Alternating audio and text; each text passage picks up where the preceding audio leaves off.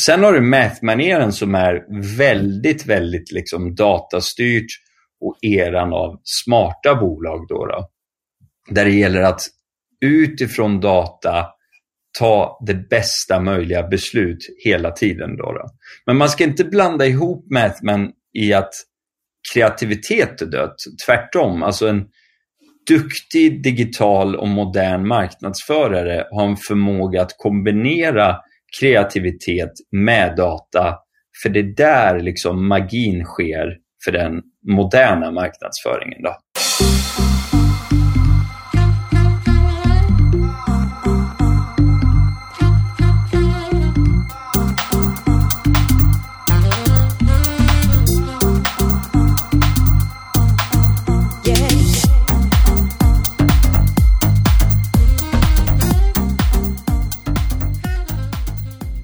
Välkommen till Digital marknadsföring med mig, Tony Hammarlund.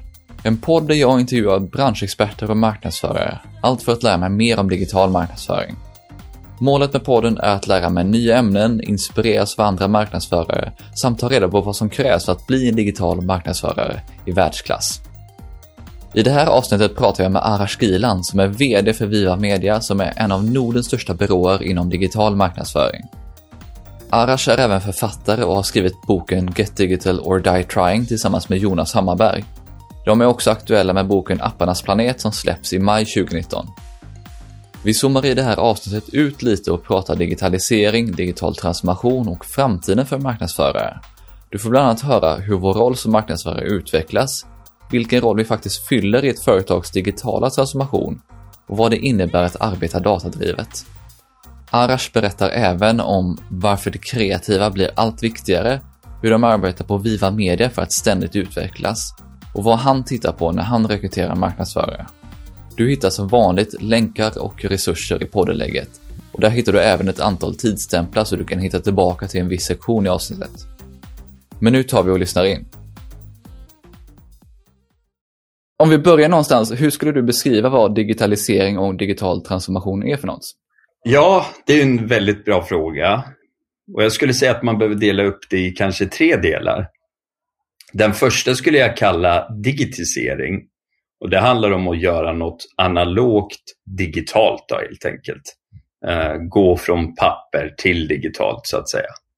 Digitalisering handlar om att människor drar nytta av den digitala teknologin och för det krävs att man litar på och använder tekniska hjälpmedel man tillför. Och sen har du digital transformation. Och Det handlar om helheten och resan dit. Hur vi får organisationen att utveckla den digitala kapaciteten och leda en evig verksamhetsutveckling med hjälp av digital teknologi. Har du några bra exempel på de här olika bitarna? Om vi börjar med digitisering då. Nej, men den är ju ganska konkret. Det ser vi ju i vår bransch marknadsföring hur liksom annonspengen från print flyttas till online. Och det är det, ja. liksom det som är analogt har blivit digitalt allt mer. Då. Eh, digitalisering handlar ju om hur vi använder digital teknologi i vår vardag. Liksom. Eh, hur vi lever i digitala miljöer med våra smartphones och sociala medier. Digital transformation handlar om hur branscher och, och liksom företag behöver anpassa sig till en liksom ny verklighet helt enkelt. Då. Och där kommer de här klassiska exemplen med liksom Spotify och Netflix och allt vad det är. Ja, men det är så man får lite bättre koll på vad det faktiskt är för något. Ja, men det, det är väldigt klokt för det blandas rätt ihop allting också. Ja, och många pratar digitalisering och så blir det som en matta över allting egentligen. Exakt. Vad var det som gjorde att du började intressera dig av de här frågorna?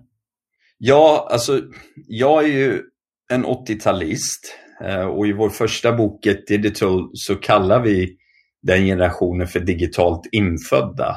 Eh, min generation är ju född med datorer och internet och det ligger ju naturligt för oss. Eh, jag har ju liksom fått växa upp med det här och alltid haft ett intresse och tyckt att det är roligt. Eh, och sen liksom nyfikenheten kring kommunikation kopplat till teknik födde fram att börja blogga, skriva och föreläsa i ämnet. Och när man gör så och gräver djupare så växer man och får kunskap av det. Jag skulle verkligen ge ett tips här att vill du växa i någonting och bli duktigare så ta och säg ja till att föreläsa om det. För det är få saker du lär dig att behärska så bra som det du får föreläsa om. Eh, för då, mm. då vill du verkligen så här naila det och förstå allting och frågor som kan komma och etc. Så där började min resa och den, eh, den har väl bara börjat skulle jag säga. Uh, mer jag gräver, desto intressantare blir det. Vad var det som gjorde att ni valde att skriva en bok då, Jonas? Då? Ja, det kom faktiskt från uh, föreläsningarna uh, jag hade. Ehm, och utifrån det så blev det ett bokavtal. Och då 2015 så åkte jag iväg till Silicon Valley för att få lite inspiration ehm, och skriva i någon vecka. Men där, liksom, i när jag träffade de här bolagen och började skriva så förstod jag hur större och viktigare ämnet är än bara marknad och kommunikation. Då. Det handlar jättemycket om ledarskapet, kulturen, ja, digital transformation helt enkelt. Då. Och I processen då så träffade jag Jonas eh, som är en perfekt match. Eh, han hade också tankar kring en bok och när vi slog ihop våra tankar så blev det en komplett bok kring digitalisering och digital transformation. Då. Ja, nej, så att jag har ju läst boken och skrivit en, en liten bokrapport om den. Så att, eh, jag tyckte det var, det var väldigt mycket tankar som väcktes när man läste den, även om det inte är bara riktat mot mig som marknadsförare. Nej, men vad, vad roligt att höra. Vi, vi försökte skriva den så bred och tidlös som vi, vi kunde. Liksom. Men om vi någonstans fokuserar på marknadsförare som är fokuset här i den här podden. Mm. Så hur påverkar de här frågorna oss som marknadsförare? Ja, det påverkar oss väldigt mycket, eh, kanske mer än något annat. Eh, jag menar, det är bara att titta på vad som har hänt tio år nu. Alltså det, det fanns ju knappt någon som hette SEO eller SEM manager för att inte prata om social media managers och allt vad man heter idag. Eh, så det har ju skett en enorm förflyttning och förändring inom eh, marknadsföring. Då, då. Eh, från analogt till digitalt. Då, då. Där vi i mångt och mycket har gått från det gissningsdriva marknadsföringen till eran av data och datadrivna. Då. Ja, för då kommer vi in lite, hur förändrar det här hur vi faktiskt arbetar med kommunikation och marknadsföring? Ja, hur, hur, det förändrar är att vi måste vara mycket duktigare kring det som är siffror och data helt enkelt. Då. Vi måste bli bättre på att ta datadrivna beslut och, och förstå värdet av det och inte gå på bara en känsla eller gissning. Det, det är den stora, stora förändringen för marknadsförare. Ja, för I boken så skriver du om det ni kallar för mathmen versus uh, madmen som är den tidigare typen av marknadsförare. Just vad, innebär de, vad innebär de begreppen? Ja, eh, Mad Men-eran, eh, för övrigt en fantastisk serie som jag tycker att alla marknadsförare ska liksom ha som sin grundutbildning. Eh, är ju liksom eran av det snygga, polerade eh, liksom varumärkesbyggande som mångt och mycket bygger på Don Draper som får liksom stå för den här reklamaren som gissar sig fram till saker. Då man har ju inte tillgänglig data och underlag. Liksom. Och det är inte alls byggt på liksom, hård fakta. Eh, så man kör ju en snygg billboard av en cigarettkampanj, hur, hur fränt det är att röka. Liksom. Eh, sen har du mätmaneren som är väldigt, väldigt liksom, datastyrt och eran av smarta bolag. Då, då Där det gäller att utifrån data ta det bästa möjliga beslut hela tiden. Då, då. Men man ska inte blanda ihop Mathman i att kreativitet är dött. Tvärtom, alltså en duktig digital och modern marknadsförare har en förmåga att kombinera kreativitet med data. För det är där liksom magin sker för den moderna marknadsföringen. Då. Och du pratar ju om att arbeta datadrivet. Vad innebär det för dig? Ja, det är också en sån här jättebra fråga. Eh, och då måste vi liksom ta oss an och förklara vad är egentligen data? Data är ju inget annat än information. Och bra beslut fattas genom att ha så mycket information som möjligt tillgängligt. Så det handlar helt enkelt om att fatta smarta beslut utifrån information än liksom gissningar och antaganden. Ja, för det är många som slänger sig just med att vi ska fatta datadrivna beslut hela tiden. Exakt. Eh, men det går inte så mycket vidare i vad det innebär. Och, och jag skulle säga, jag skulle liksom, har också en tratt för det här i, i vår nya bok som kommer ut till våren. Eh, vad det datadrivna är och hur man blir ett smart bolag. Det, det första, liksom, om du tar tratten högst upp då, så är det alla händelser, aktiviteter, kundreaktion som man kan mäta i en organisation. Då. Sen blir det ju data. Då blir det data som är tillgängligt. Det är ju information som vi pratar om. Vad köpte kunderna? När köpte de? Var köpte de? Av vem köpte de? Informationen ska leda till kunskap. Och då har vi gått från vad till hur. Hur köpte kunderna? Vad ledde till att det blev kunder? Hur gick det till? och etc. Och kunskapen så blir det, leder det till insikt. Då. Och då svarar vi på varför-frågan.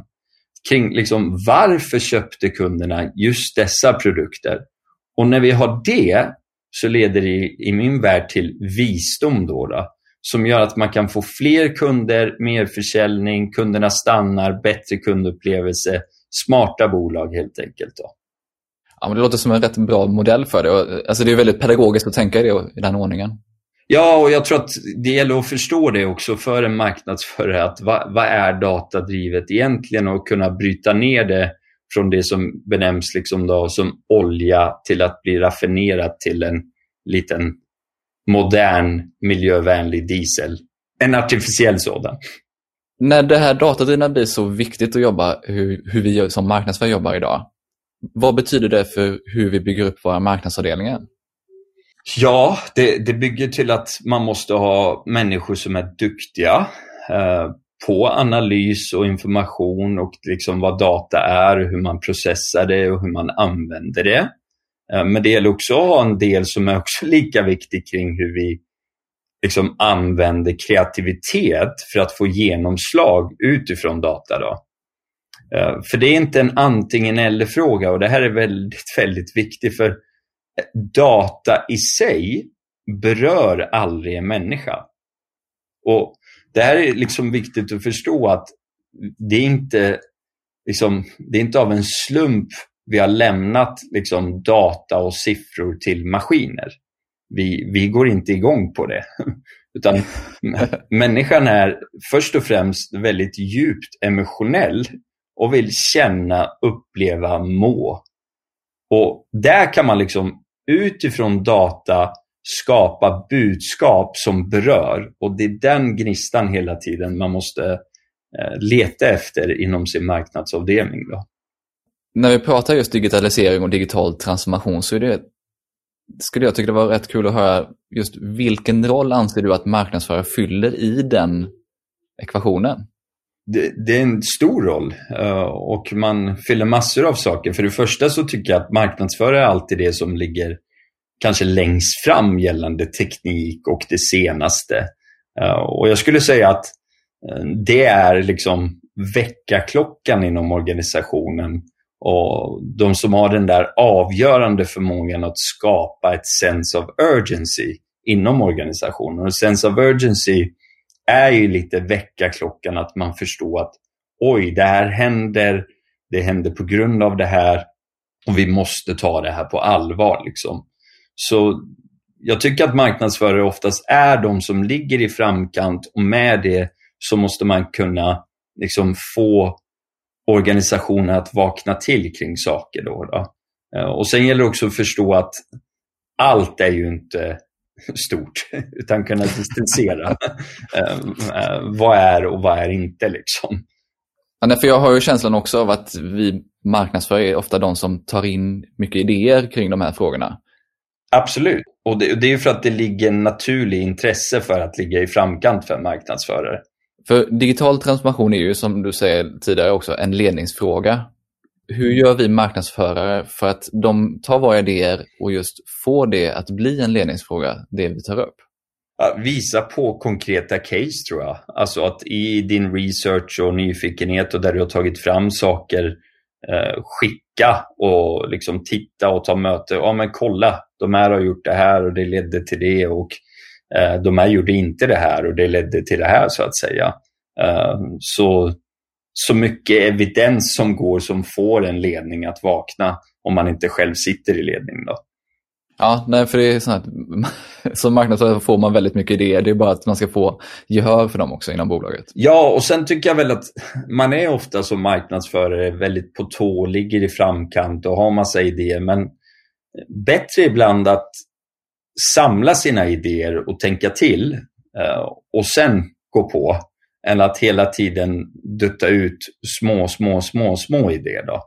Eh, det kan också vara ett tips. Hur kommer vår roll som marknadsförare förändra sig de åren framöver? Om vi säger det har hänt så mycket på tio år. Vad tror du kommer hända tio år framåt? Och hur rollen som marknadsförare kommer förändras? Ja, det kan ju... Jag skulle vara miljardär om jag visste det. Men jag kan väl göra några antaganden och jag tror att Eh, i, i den här vågen vi lever i nu så kommer ju allt det som automatiseras att automatiseras. Då. Och i det så kommer det ju de facto vara så att saker vi gör som maskiner kan göra kommer att tas hand om av maskiner. Men i det så kommer det ju vara saker som maskiner inte kan göra. Och där tror jag, tänker jag liksom att, ja men vad bra för oss marknadsförare, för vi vill ju liksom jobba med det som är kreativt och innovativt och liksom strategiskt och etc. Och de dimensionerna kommer bli allt, allt viktigare eh, för en marknadsförare.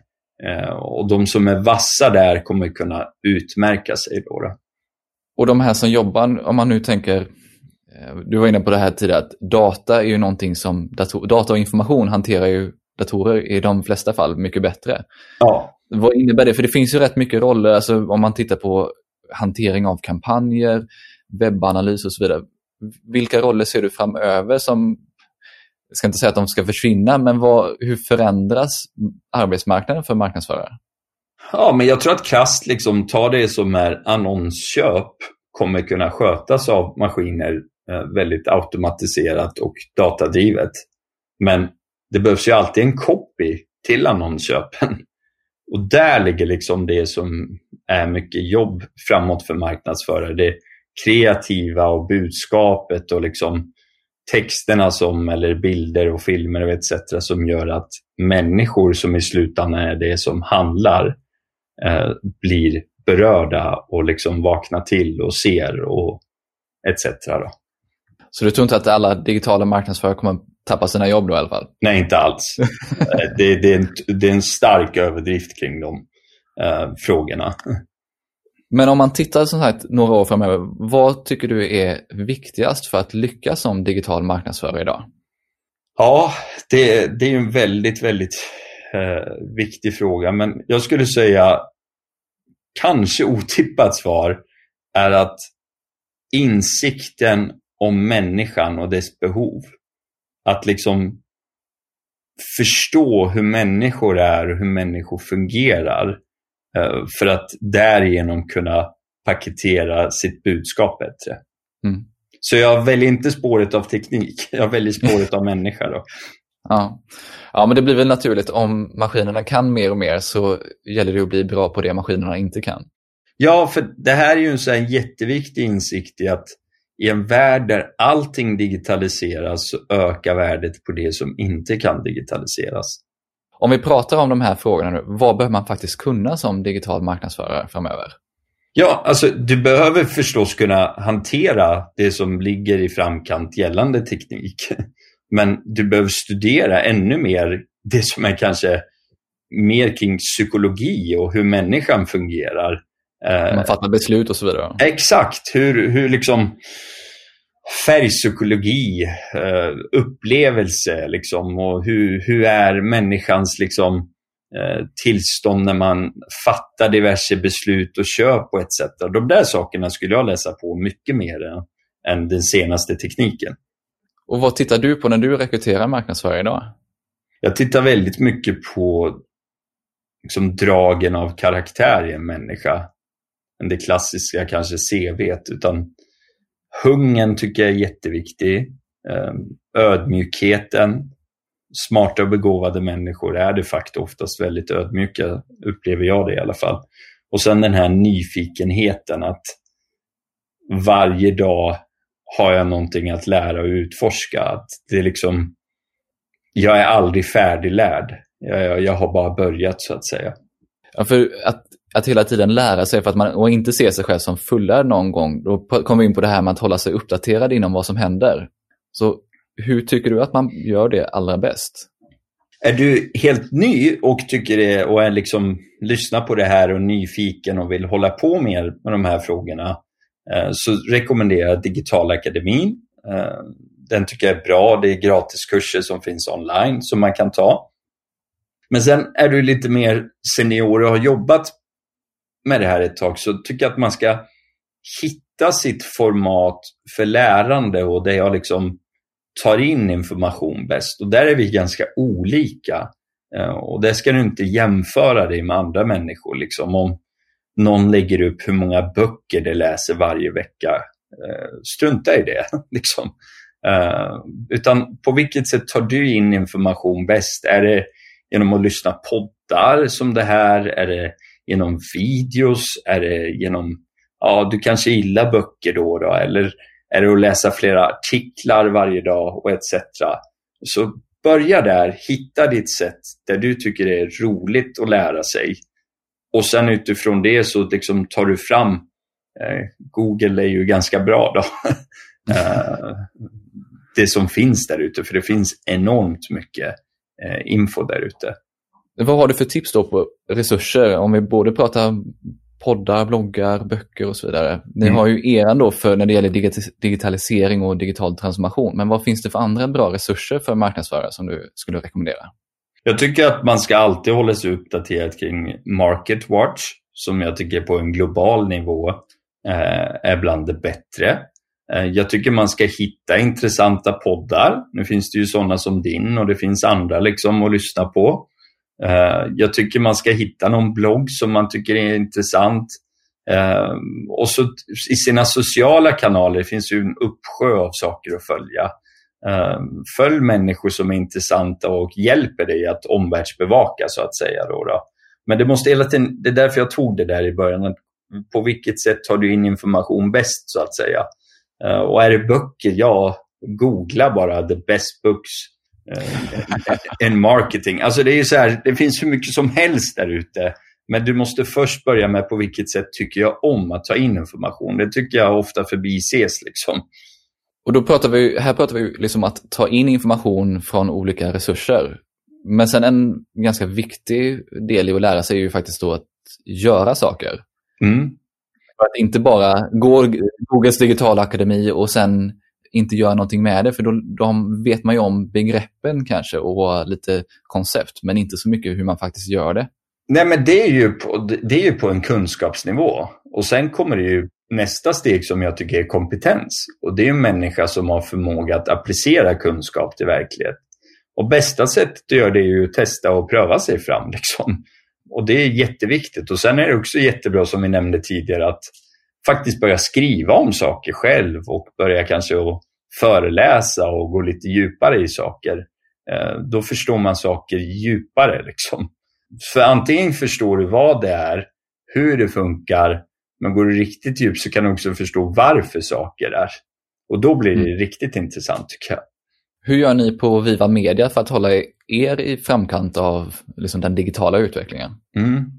Ja, det där är en sån där fråga som man alltid tänker kring, kring bolagsbyggare. Jag skulle säga att jag de första åren trodde att det här var en ganska teknisk grej. Eh, vi sätter upp en massa så här, grejer i våra intranät.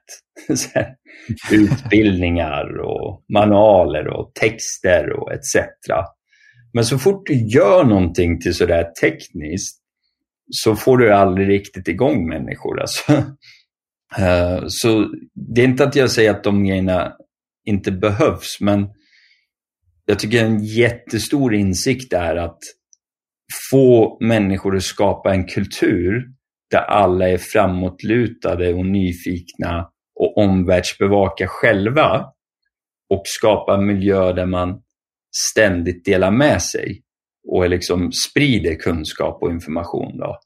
Eh, det märks ganska väl i en organisation tycker jag om det är slutet eller öppet så att säga. Då.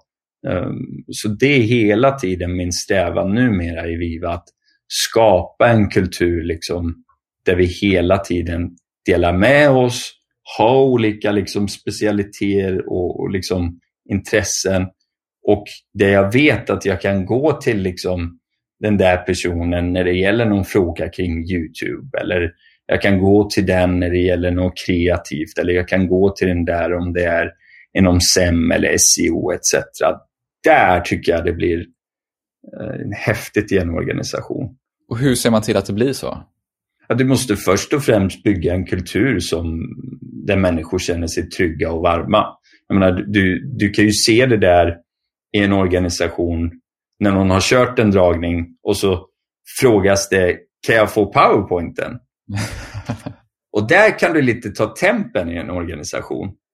Nej, men nej, det här har jag jobbat med och du vet, det är så exklusivt och det är så unikt och du, du, du, du. Eller till det där, ja men självklart, det, jag skickar ut den till alla direkt efter. Det är jättekul att höra liksom att man att skapa den här kulturen, men där det sker organiskt. Men gör ni någonting för att verkligen driva på den utvecklingen, att verkligen lära sig nytt? Eller är det bara att det sker mellan de som jobbar på företaget? Nej, nej. Det, det, det, är bo, det är både en strukturell och en kulturell fråga. Mm. Så liksom strukturellt så har vi det här året satsat ganska mycket på en stor utbildningsresa där vi kommer att avsluta med diplom och test och grejer. Uh, där vi kör igenom hela liksom, kundresan och går djupt i vissa vertikaler. Liksom. Så det är en 6-7 tillfällen vi har tillsammans. Uh, och så kör vi workshops och case och etc. Då, då, uh, för det.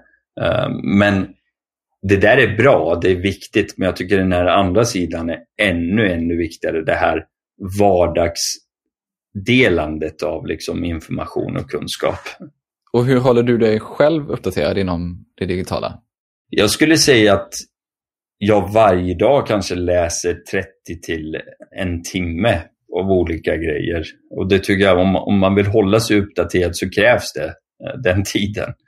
På liksom, det är olika artiklar eller någon bok jag just nu läser eller någon intressant podd eller något jag hittade på Twitter. Och det mycket är ju så här infallsgrejer liksom. Vad är det senaste du lärde dig? Senaste jag lärde mig? Det var en bra fråga. Eh, jag läste Bill Gates trender för tio år framåt igår från MIT. Jag tyckte det var väldigt intressant det här med så här artificiell eller naturlig kött. Då. mm. och hur stort det kan bli.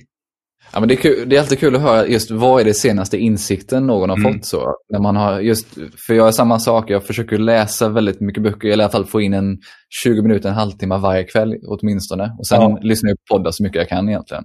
Men det är alltid kul att höra vad är det man faktiskt tar in. Vad, vad är det man kommer ihåg sådär, men det där, det där var intressant. Sen, alltså jag tycker så här, ett bra tips till alla som lyssnar. Vill du få nya idéer? Läs riktigt gamla böcker. Eh, det, det, är faktiskt så här, för läser du allt det som alla läser just nu, då får du inte så mycket nya idéer.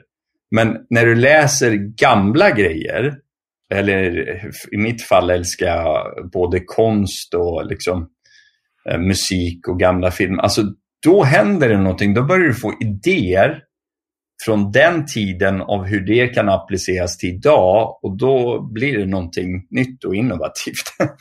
Ja, men intressant att höra. Du var inne på trender här med Bill Gates och, och trender tio år framåt. Vad är det för stora trender som du ser just nu?